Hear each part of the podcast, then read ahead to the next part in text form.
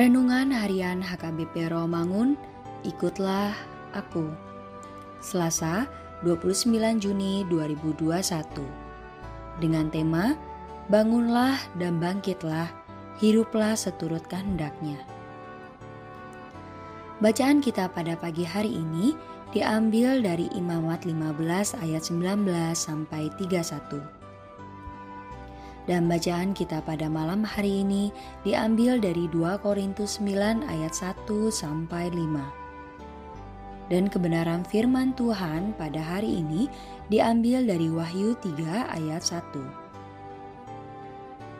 yang berbunyi, "Dan tuliskanlah kepada malaikat jemaat di Sardis, inilah firman dia yang memiliki ketujuh roh Allah dan ketujuh bintang itu.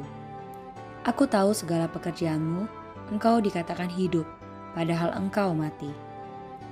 Demikianlah firman Tuhan.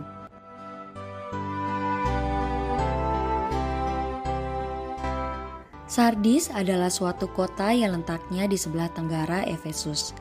Di Sardis berlangsung kebaktian-kebaktian secara teratur.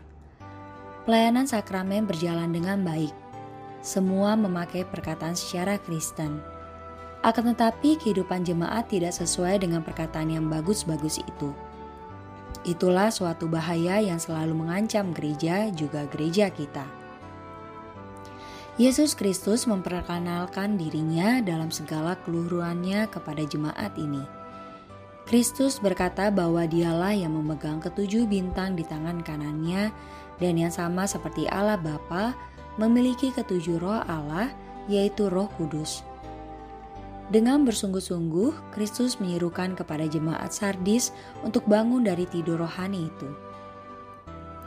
Kematian rohani dan tidur mempunyai arti yang sama. Di sini, seperti yang dikatakan di dalam Efesus 5 ayat 14, Itulah sebabnya dikatakan, Bangunlah hai kamu yang tidur, dan bangkitlah dari antara orang mati dan Kristus akan bercahaya atas kamu. Nats hari ini mengajak kita supaya kejadian di kota Sardis tidak terulang di dalam kehidupan kita sekarang ini. Jadilah anak-anak Tuhan ataupun jemaat Tuhan yang memiliki ketulusan baik di dalam perkataan maupun pelayanan sesuai dengan yang diinginkan Tuhan Agar kita tidak menjadi orang yang munafik, hiduplah di dalam Kristus dan berbuatlah hanya sesuai dengan kehendaknya saja. Janganlah terlalu banyak bicara tentang firman Tuhan, tetapi tidak terlihat di dalam perilaku kehidupan sehari-hari. Marilah kita berdoa. Tuhan Yesus, ajar kami agar hidup sesuai dengan kehendak-Mu saja. Jauhkan dari kami segala kemunafikan. Amin.